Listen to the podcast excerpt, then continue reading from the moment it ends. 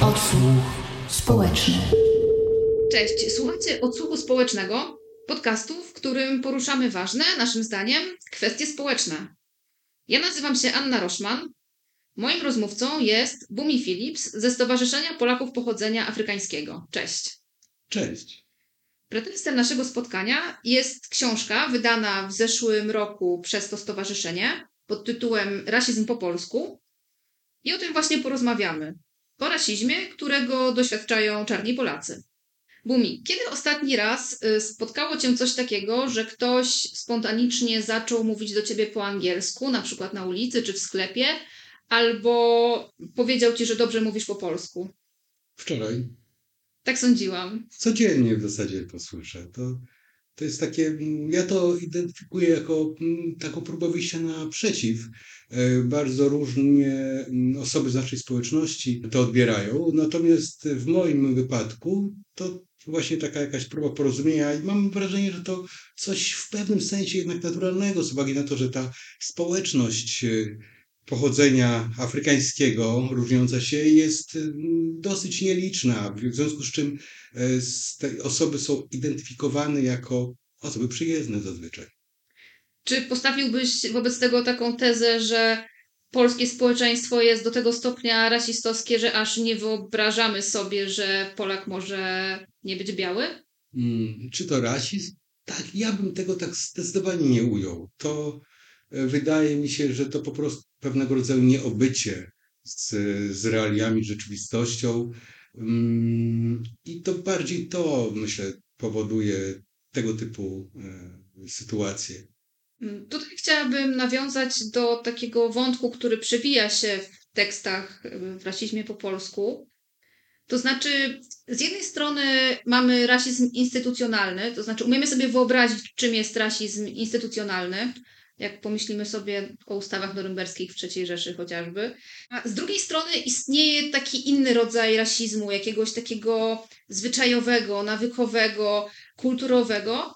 I wy w tych swoich tekstach często opisujecie właśnie takie codzienne doświadczenia, które mogą nie wydawać się przejawem właśnie rasizmu systemowego, a jednak są rasistowskie. Nazywacie to nanorasizmem. Mógłbyś przytoczyć przykłady takich zachowań?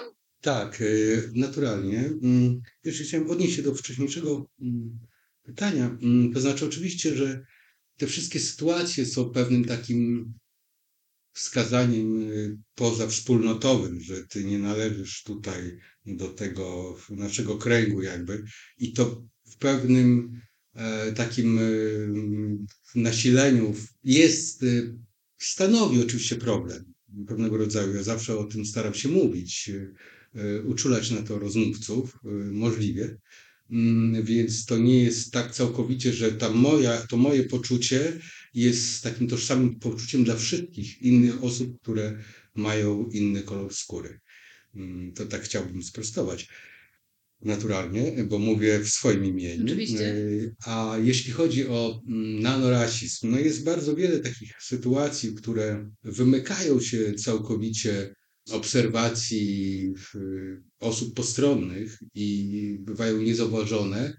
Niemniej ich multiplikacja w stosunku do osób o mm, odmiennym kolorze skóry y, no jest czymś bardzo uciążliwym i, i, i trudnym. I to są najdrobniejsze gesty tak naprawdę, czy bardzo często. Chociażby taka sytuacja, która jest absolutnie nieoczywista dla wielu osób, ale to w jaki sposób ktoś potrafi na, patrzeć na osobę o innym kolorze skóry.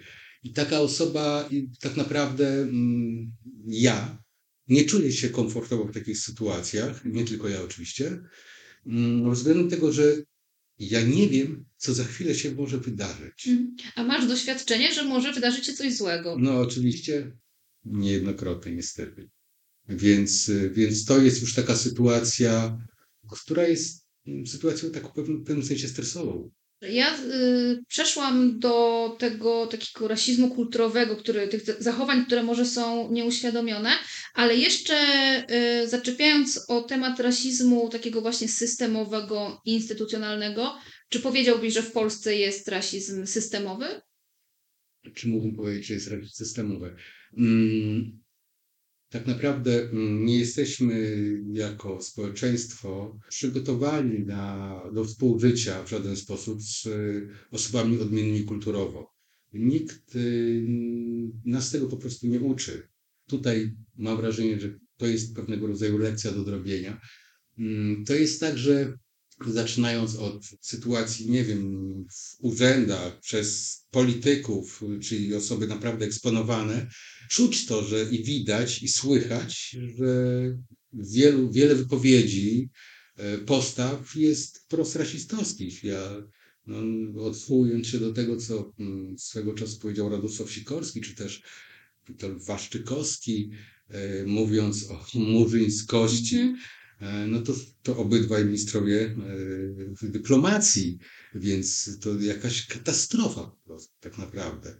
No, Trochę nie wiadomo od czego zacząć tłumaczyć, jaki jest problem, bo on jest tak szeroki z tak, użyciem tego tak. słowa. Zapytałam o rasizm instytucjonalny, a jak się odniesiesz do takiej instytucji, jaką jest szkoła? Są teksty kultury najróżniejsze, które do tej pory przekazują nam stereotypy rasistowskie czy jakieś myślenie postkolonialne. Ja sobie obiecałam, że w tym podcaście nie będziemy robić szczegółowej analizy Murzynka Bambo, bo mhm. jest wiele podcastów i materiałów, które, e, które o tym traktują i jeśli ktoś ma dobrą wolę, to znajdź materiały i dowie się, dlaczego w podręcznikach dla dzieci nie powinno być takich utworów jak Murzynek Bambo, ale właśnie, pytając najogólniej, jak to jest ze szkołą, z procesem edukacji u nas? Generalizując, y, no, no jest y, niestety tak, ja, ja to, ta szkoła już jest dawno za mną, natomiast te problemy są dalej te same, niestety. Mm, przede wszystkim bagatelizowanie postaw różnych mm. rówieśników to jest jednym z większych chyba też problemów, że tak naprawdę nie ma do kogo się zwrócić, nie ma do kogo pójść. Oczywiście w tym momencie ja urodziłem się w 1972 roku i wtedy tak naprawdę w ogóle nie było do kogo się zwrócić. Natomiast w tym momencie oczywiście są instytucje pozarządowe, e, różne NGOsy, które, które zajmują się tą problematyką i, i, i to pole na którym można próbować sobie w jakiś sposób poradzić, gdzie, żeby sięgnąć po pomoc jest oczywiście zdecydowanie większe, jest lepiej, chociaż z drugiej stro strony mamy w tym momencie internet, który jest, jak wiemy, czasem tam bywają takie treści, które mm -hmm. są całkowicie nieakceptowalne i trudno właśnie tak nie wiadomo od czego tak naprawdę zacząć trochę. Jeszcze chciałam zapytać, znowu pozostając w tej warstwie takiej językowej, pewnych nawyków językowych, jakbyś mógł wytłumaczyć naszym słuchaczom i słuchaczkom, dlaczego również powtarzanie w cudzysłowie pozytywnych stereotypów jest szkodliwe. Mam na myśli takie poglądy jak na przykład czarni lepiej tańczą, bo mają naturalnie wyczucie rytmu, albo czarni zdobywają medale w maratonach, bo są genetycznie predestynowani do biegania. Ludzie mówią często takie opinie, mając całkiem dobre intencje, myśląc, że mówią jakiś komplement, a w rzeczywistości to jest też komunikat rasistowski. To jest taka bardzo delikatna forma, e, gdzie, gdzie, której towarzyszą tak naprawdę dobre intencje.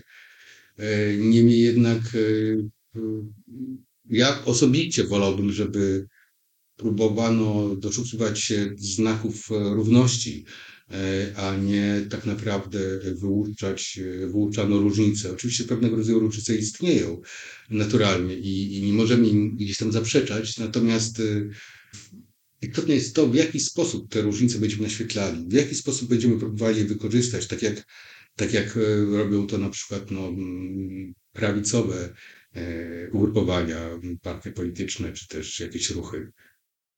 Ciekawi mnie, czy spotykasz się z różnymi postawami zależnie od środowiska, w jakim się znajdujesz w danym momencie. Mam na myśli to, że ty mieszkasz w Warszawie, masz artystyczny zawód, bo jesteś DJ-em, i tak sobie myślę, że pewnie sporo osób może stereotypowo założyć, że postawy rasistowskie to są gdzieś tam na prowincji, wśród jakichś osób gorzej wykształconych. Znowu tutaj przywołując jakiś stereotyp. I czy faktycznie są takie różnice? Jak to wygląda z tymi postawami w takim właśnie, powiedzmy, Twoim środowisku zawodowym? Y, artyści, klasa średnia? No w moim środowisku ja nie ukrywam, żyję troszeczkę w bańce. E, pewnego rodzaju to jest taka coś wygodnego. Ja, to środowisko jest zdecydowanie bardziej otwarte, bardziej ciekawe. Mam wrażenie, że to jest e, fragment lepszego świata, jakby tak dla mnie, w moim odczuciu, w mojej, z mojej perspektywy. Więc te przekonania takie, y, z drugiej strony, te przekonania o tym, że rasizm dzieje się gdzie indziej, to też zupełnie nieprawda. Ja muszę przytoczyć taką sytuację, gdzie mój znajomy został poproszony o, o to, czy, czy nie mógłby wybrać się do szkoły, porozmawiać z młodzieżą y, w kwestii idei takich, e, takiego spotkania antydyskryminacyjnego, no i on wyraził zgodę i potem był bardzo zaskoczony, jak okazało się, że ta szkoła to nie, nie mieści gdzieś tam na prowincji, na, gdzieś tam na obrzeżach, tylko jest przy samym centrum Warszawy tak naprawdę, bo tam mhm. był, bo tam był problem. E, tam ten problem się pojawił, więc e, ja niejednokrotnie mm, też e, przekonałem się o tym, że mm, że, że rasizm nie może przykleić jednej etykiety, ety, takiej etykiety jednej jakiejś grupie społecznej. Jednokrotnie pluła mi pod nogi, pod nogi jakaś starsza, nobliwa pani na przykład, lub też pan w garniturze zwracał się do mnie w pogardliwy sposób. I to nie znaczy, że znowu używając pewnego rodzaju uogólnień, że jak pójdę na, gdzieś tam na Pragę, znajdzie się na szmulkach mm. wieczorem, to spotka mnie z kolei coś najgorszego. Nie, to nieprawda. Mój kolega zresztą dziabnięty nożem tutaj pod y, przypalnie na nowym świecie tak naprawdę. No to była noc, no ale umówmy się. E, więc, więc to, to nie jest. Tam centrum Warszawy. Tam centrum Warszawy, no trudno bliż większe centrum niż to epicentrum. Czyli to trochę potwierdza tezę, którą zawarłam w moim pytaniu, mhm. że e, tak naprawdę te postawy są w poprzek e, klas, miejsca zamieszkania i tak dalej. Tak. Chciałam nawiązać do samego y, tytułu y, tej waszej publikacji, Rasizm po polsku, i porozmawiać o właśnie polskiej charakterystyce rasizmu. Czy postawy rasistowskie w Polsce są w jakiś sposób specyficzne. Już tłumaczę, mm, o co mi chodzi. Mam wrażenie, że z jednej strony mamy jako społeczeństwo zaszczepione postawy rasistowskie, na przykład właśnie wyniesione ze szkoły, e, z tego, że czytamy w pustyni w puszczy, gdzie właśnie mieszkańcy Afryki są strasznie opisani jako gorsi, głupsi i tak dalej, że gdzieś te poglądy się w nas zakorzeniają, a z drugiej strony Mam wrażenie, że rasizm jest też trochę zaimportowany w Polsce, w tym sensie, że mm, kiedy na przykład w zeszłym roku były duże rozruchy wokół ruchu Black Lives Matter, kiedy w Stanach Zjednoczonych po raz kolejny policjant y, zabił y, czarnoskórego mężczyznę, niewinnego. To była y, taka chyba kropla, która, która przelała czarę. Ruch Black Lives Matter oczywiście istniał już wcześniej ale wtedy rozpoczęły się, no można powiedzieć, zamieszki, o których też donosiły polskie media. Co ciekawe, to był początek pandemii, więc to też o czym świadczy, że te newsy, newsy się y, do Polski jednak przedostały. I mam wrażenie, że w polskim społeczeństwie nastąpił olbrzymi backlash wobec tego. To znaczy, Polacy, nie znając specyfiki życia w Stanach Zjednoczonych i specyfiki podziałów klasowych, rasowych itd., tak mieli bardzo dużo do powiedzenia, na przykład y, o tym, że to bez sensu. To właśnie chciałam Cię zapytać tak szeroko. Czy, czy nasz rasizm jest bardziej swojski, czy on jest bardziej zaimportowany? Mam wrażenie oczywiście, że zaimportowany, no bo mm, tak naprawdę przy tak niewielkiej populacji e, osób pochodzenia afrykańskiego w Polsce, no nie, nie, nie mamy na co dzień takich doświadczeń z, z osobami innych kultur, także wzrastamy obok nich, e, żyjemy wspólnie drzwi w drzwi i, i, i trudno mieć jakieś takie mm, doświadczenia empiryczne, które mówiłyby o tym, że ja faktycznie mm, obawiam się tej kultury, ponieważ e, tam można sobie różne rzeczy tutaj podstawiać. Duża część to kwestii postrzegania mm, osób czarnych, to to faktycznie kalki kulturowe, które są przeniesione, absolutnie. Mm. To bardzo różnego rodzaju, ale z drugiej strony też y, ja uczulam na to y, zawsze, że nawet y, doświadczenia jakieś jednorazowe, które mogłyby kłaść się jakoś cieniem na postrzeganiu danej rasy, kultury, o spojnej orientacji, bo tak naprawdę to mm. wszystko jest jednomianowe to, y, to, to nie są wyczerpujące do wyrobienia sobie zdania, bo ja przecież w Polsce miałem na ulicy atakowano mnie werbalnie kilkadziesiąt razy w ciągu mojego Mhm. życia. Y, Ale ja nie mogę powiedzieć, że Polacy to rasiści, bo byłbym, bo skrzywdziłbym tak naprawdę całą rzeszę osób, które są otwartymi ludźmi świadomymi. Więc, y, więc wyrobienie sobie zdania w sposób y, taki bardzo no, kolokwialny na temat y, całej kultury e, obcej nam gdzieś, e, czy, czy osób po prostu o innym kolorze skóry, no jest, jest drogą troszkę na manowce, e, niestety. Mm, I tak to wygląda. Jeśli chodzi o całą samą sytuację z Black Lives Matter, czyli taką tak naprawdę mm, kontynuację ruchu praw obywatelskich, Faktycznie ta dyskusja mm, w internecie, tam najłatwiej się dyskutuje, wrzucając różne nośne hasła często, mówiąc o swoich przekonaniach, e, jakoby o faktach wręcz. Ta dyskusja była zatrważająca, jak bardzo wiele osób miało bardzo dużo do powiedzenia, nie mając pojęcia o niczym absolutnie, patrząc całkowicie z pozycji kanapy i pilota po prostu tak Mhm. naprawdę. Ale też zupełnie innego społeczeństwa. Tak, bo tak, tak, my też-. Nie uczymy się o specyfice podziałów klasowych, rasowych. Dlaczego policja jest akurat do osób czarnoskórych w Stanach uprzedzona, że są systemowe wręcz szkolenia i tak dalej, i tak dalej. Jakby policjanci też uwewnętrzniają te postawy. No, tu można by długo opowiadać i też y, odsyłam do, do innych źródeł, jeśli ktoś chciałby o, o samym ruchu Black Lives Matter y, poczytać. No to właśnie było bardzo uderzające wtedy, że ludzie komentowali to i mieli potrzebę wyrażenia opinii właśnie o postawach antyrasistowskich, nie znając zupełnie realiów. Tak nie wiem, ale się wypowiem. Tak, Proszę. tak. To wszystko, bo w tekstach y, w waszej książce mm, przewija się też taki pogląd, że rasizm jest rodzajem uniwersalizmu. To znaczy, rasizm tak naprawdę działa na całym świecie. Mhm. No bo to jest takie wygodne narzędzie do pokazania, mm, do stworzenia podziału. Jeśli jest jakieś, powiedzmy, prawicowe ugrupowanie, no to najprościej na złożone problemy dawać bardzo proste odpowiedzi i, i, i, i na tym wydaje mi się, że na przykład to jest jeden z elementów, na którym się zasadza. Oprócz oczywiście niewiedzy e, pewnej jakiegoś tam lęku podszytego też przekazem medialnym bardzo często w dużej mierze. Odsłuch społeczny. Chciała przejść do takiego tematu mm, bardziej takiego teoretycznego. My tutaj mm, słowo rasizm odmieniamy przez wszystkie przypadki w rozmowie, ale chciałam porozmawiać o samym pojęciu rasy, bo być może nie wszyscy zdają sobie sprawę, że w ogóle sama koncepcja dzielenia ludzi na rasy jest już rasistowska. To znaczy, jest to bardzo duże uproszczenie, tak odwołując się do wiedzy jakiejś antropologicznej, biologicznej i tak dalej. A zarazem to pojęcie zostało stworzone w bardzo konkretnych celach politycznych. Chciałabym, żebyś trochę o tym opowiedział.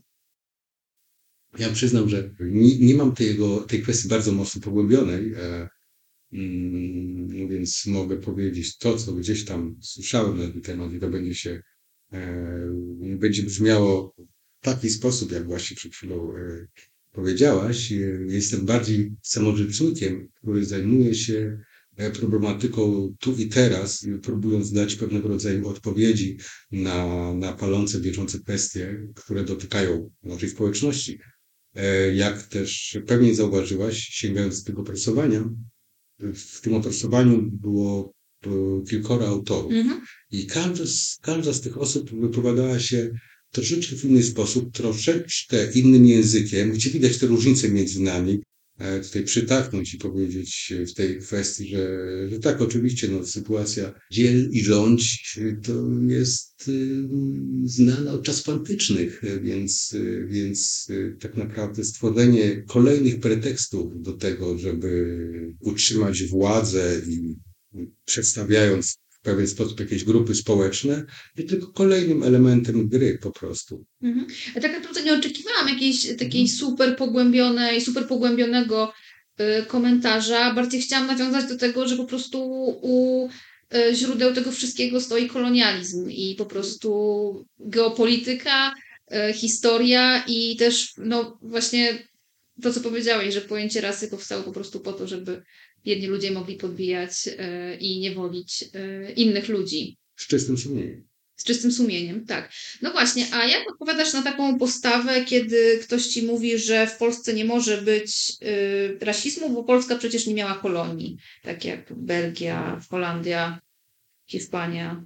No cóż, no wtedy mm, próbuję to przelicytować, pokazując y, różnego rodzaju sytuacje i, i mówiąc o pewnej skali cierpienia, które wnoszą postawy codzienne naszych współobywateli obok tego trudno przejść jest tak naprawdę obojętne obok takich, obok, obok takiej historii.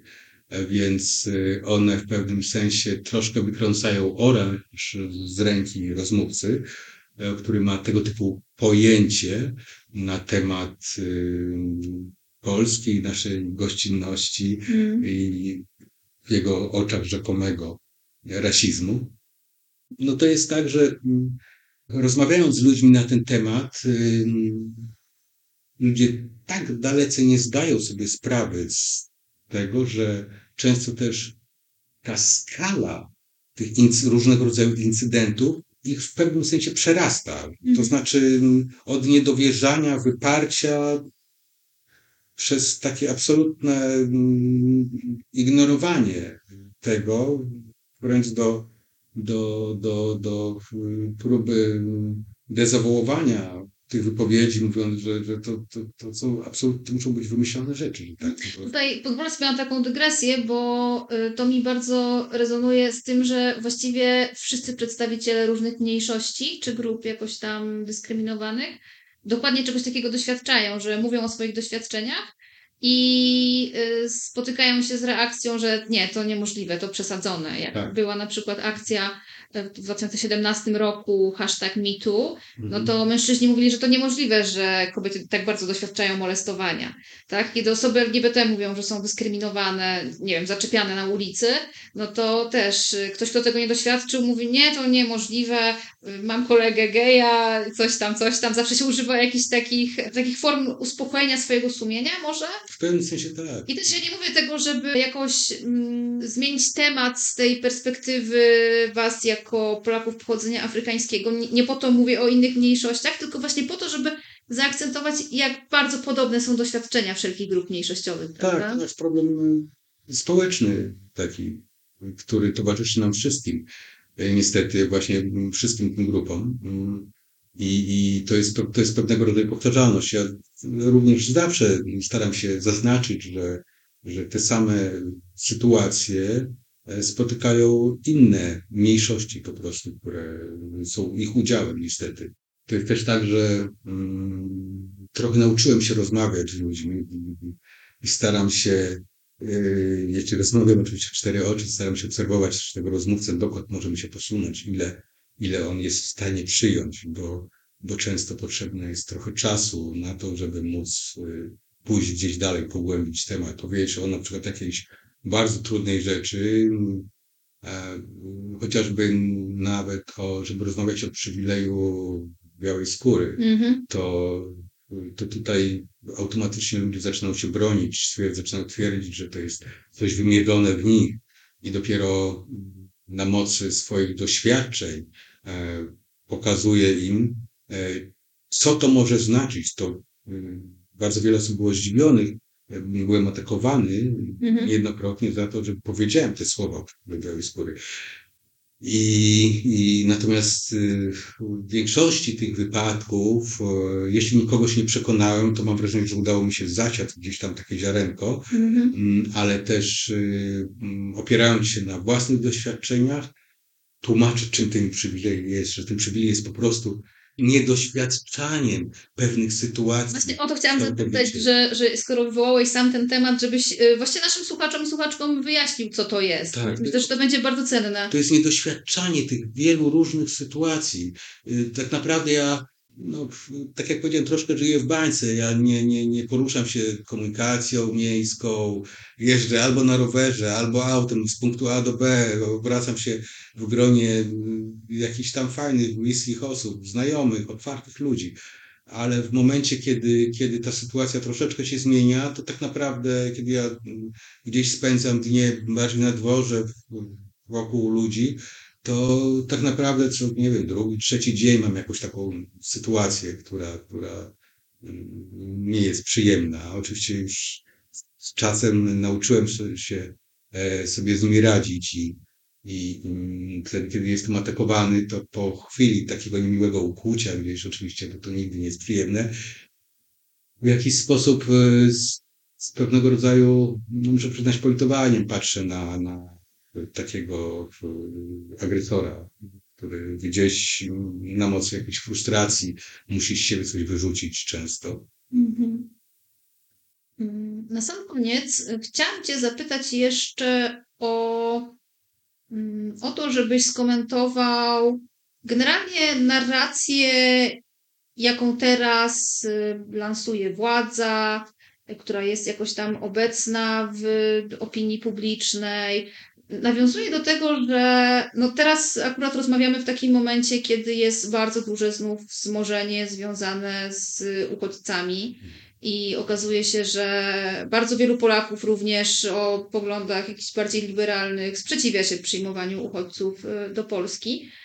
I ja jako osoba jakoś tam, wydaje mi się, wrażliwa na język, na wykluczenia, widzę w tym bardzo dużo takiej narracji rasistowskiej, właśnie ksenofobicznej, ale pomyślałam, że ty na pewno masz o wiele bardziej czuły radar na to. Jakbyś miał powiedzieć naszym słuchaczom, co twoim zdaniem jest takie najbardziej niepokojące, a zarazem nieoczywiste właśnie w tej narracji, którą jesteśmy teraz otoczeni w związku z tym, że właśnie mamy prawicową władzę i tak dalej. No przede wszystkim to, chociażby już elementarny punkt, że nie działamy zgodnie z literą prawa, mm-hmm. realizując tego typu politykę, czy nie wiem jak to nazwać. Po prostu. To jest pierwszy podstawowy element. W tym, że po prostu jesteśmy zobowiązani do udzielenia azylu, tak, prawda? Azylu, granie tymi ludźmi jest y, czymś potwornym po prostu, tak naprawdę jest czymś dla mnie niewyobrażalnym. Rozumiem, że, że możemy mieć różnego rodzaju obawy, różnie możemy, możemy mieć różny ogląd sytuacji, chociaż lęk w czasach e, dzisiejszych przed, przed tym, że przyjmiemy uchodźców i ktoś nagle zacznie coś robić strasznego, zacznie podkładać bomby, nie wiadomo co, powiem szczerze, jest czymś tak rozbuchanym, nieprawdopodobnie, mm -hmm. Bo jeśli pomyślę o czasach okupacji, kiedy faktycznie bezpośrednio każda osoba, która zdecydowała się pomóc, na przykład jakiejś żydowskiej rodzinie, ukrywała jakieś, jakiegoś chłopca, nie wiem, cokolwiek, ryzykowała wła własnym życiem, życiem mm. członków tej rodziny. W tej sytuacji ta, to ryzyko, ta odpowiedzialność, to, to się rozkłada, że w zasadzie tego nie czujemy. No oczywiście gdzieś mogłoby na kogoś coś tam trafić, nawet takich najgorszych, najczarniejszych scenariuszu, ale spójrzmy, jak, jak, jak, jak te proporcje wyglądają. To jest absolutnie tak rozdmuchana sprawa, że no nieprawdopodobnie. Też teoretycznie jako państwo powinniśmy mieć właśnie rozwiązania systemowe. Powinniśmy, a no one nie istnieją u nas w wielu obszarach, jak widzimy. To jest jeden z nich. Mhm. Czy coś jeszcze jest takiego właśnie może w tym prawicowym języku, w tym, co mówią prawicowi politycy, co ciebie jakoś tak szczególnie niepokoi? Wszystko. Okej, okay, to jest zrozumiała odpowiedź. W ogóle podejście do kobiet, do osób o innym kolorze skóry, orientacji, to, to, to jest po prostu jakiś dramat. Ja zastanawiam się, dokąd, dokąd to zmierza. Jakbyś chciał powiedzieć naszym słuchaczom i słuchaczkom taką jedną rzecz, jakieś jedno zdanie, jedno przesłanie, na przykład jaką postawę powinno się zmienić, albo jaka postawa jest rasistowska, a my sobie z tego nie zdajemy sprawy. Jakbyś miał powiedzieć taką jedną rzecz na zakończenie, którą koniecznie byś chciał, żeby nasi słuchacze usłyszeli, a o którą ja nie zapytałam, to co by to było? E, ja chyba powiem coś bardziej uniwersalnego, nie odnoszącego się tylko do, do mojego kręgu kulturowego. Spróbujmy nauczyć się ze sobą rozmawiać. I to, jak ja widzę często, jak ludzie ze sobą zaczynają rozmawiać, to rozmowa zaczyna się od, y, bardzo często na początku od y, obrażenia rozmówcy. W ten sposób się nie dogadamy, nie będziemy mogli się porozumieć. To jest pod, podstawa, czyli zwróćmy tak naprawdę uwagę na język i na to, co, dokąd chcemy dojść. Jeśli kogoś chcemy przekonać do czegokolwiek, to ja się tego trochę nauczyłem i cały czas się tego również uczę, bo łapię się często na tym, że, że gdzieś czasem puszczają mi po prostu nerwy czasem. To, to chyba jest takim podstawowym punktem, który chciałbym tutaj przekazać, takim najjaśniejszym. Spróbujmy być uważni na, na siebie i na to, jakie treści chcemy przekazać, w jaki sposób. Mhm. Dzięki. I już na samo zakończenie chciałam Cię zapytać o działalność Waszego stowarzyszenia. Wydaliście już rok temu mm, tę książkę, o której dzisiaj rozmawialiśmy, Rasizm po polsku. A nad czym pracujecie teraz? Czy są jakieś inicjatywy, które możesz zareklamować? Mhm. Mamy e, pewnego rodzaju inicjatywę, mm, która mm, zobaczymy, jak to się potoczy, na którą będziemy potrzebowali finansowania. Jakiś czas temu, y, bo współpracujemy z innymi organizacjami pozarządowymi, mm, osoba z Polskiej Akcji Humanitarnej odezwała się do mnie i, i zgłosiła taką sytuację, że w Warszawie jest e, kilkoro y, czarnych dziewczynek, które były gdzieś tam przemycane, mm, więc czy moglibyśmy spróbować się nimi zająć. E, już robiliśmy jakieś tam pierwsze kroki w ich stronę, mm, to znaczy z, z panią psycholog Aleksandrą e, Lębą, ona organizuje im takie warsztaty taneczne. E, tak naprawdę jest to podejście takie psychologiczne poprzez ruch. E, I ona sama jest czarna, więc bardzo dobrze wyławia pewne wszystkie niuanse.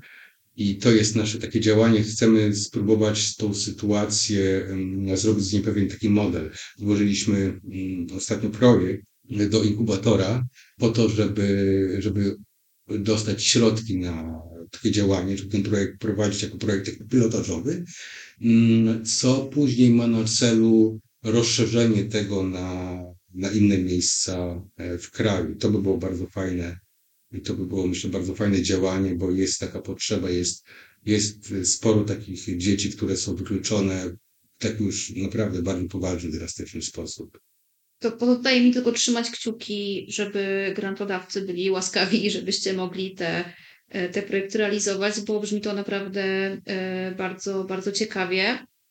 Myślę, że na tym możemy zakończyć. E, moim gościem był dzisiaj Bumi Phillips ze Stowarzyszenia Polaków Pochodzenia Afrykańskiego. Rozmawialiśmy o książce Rasizm po polsku, którą to stowarzyszenie wydało w zeszłym roku i którą ja ze swojej strony oczywiście polecam naszym słuchaczom i słuchaczkom. Dzięki za rozmowę. Bardzo dziękuję. Odcinek montuje Katka Mazurczak. W nagraniu brał udział Janek Sikorski. Ja nazywam się Anna Roszman. A naszych wcześniejszych odcinków szukajcie na Spotify, YouTube i wszystkich popularnych platformach podcastowych. Odsłuch społeczny.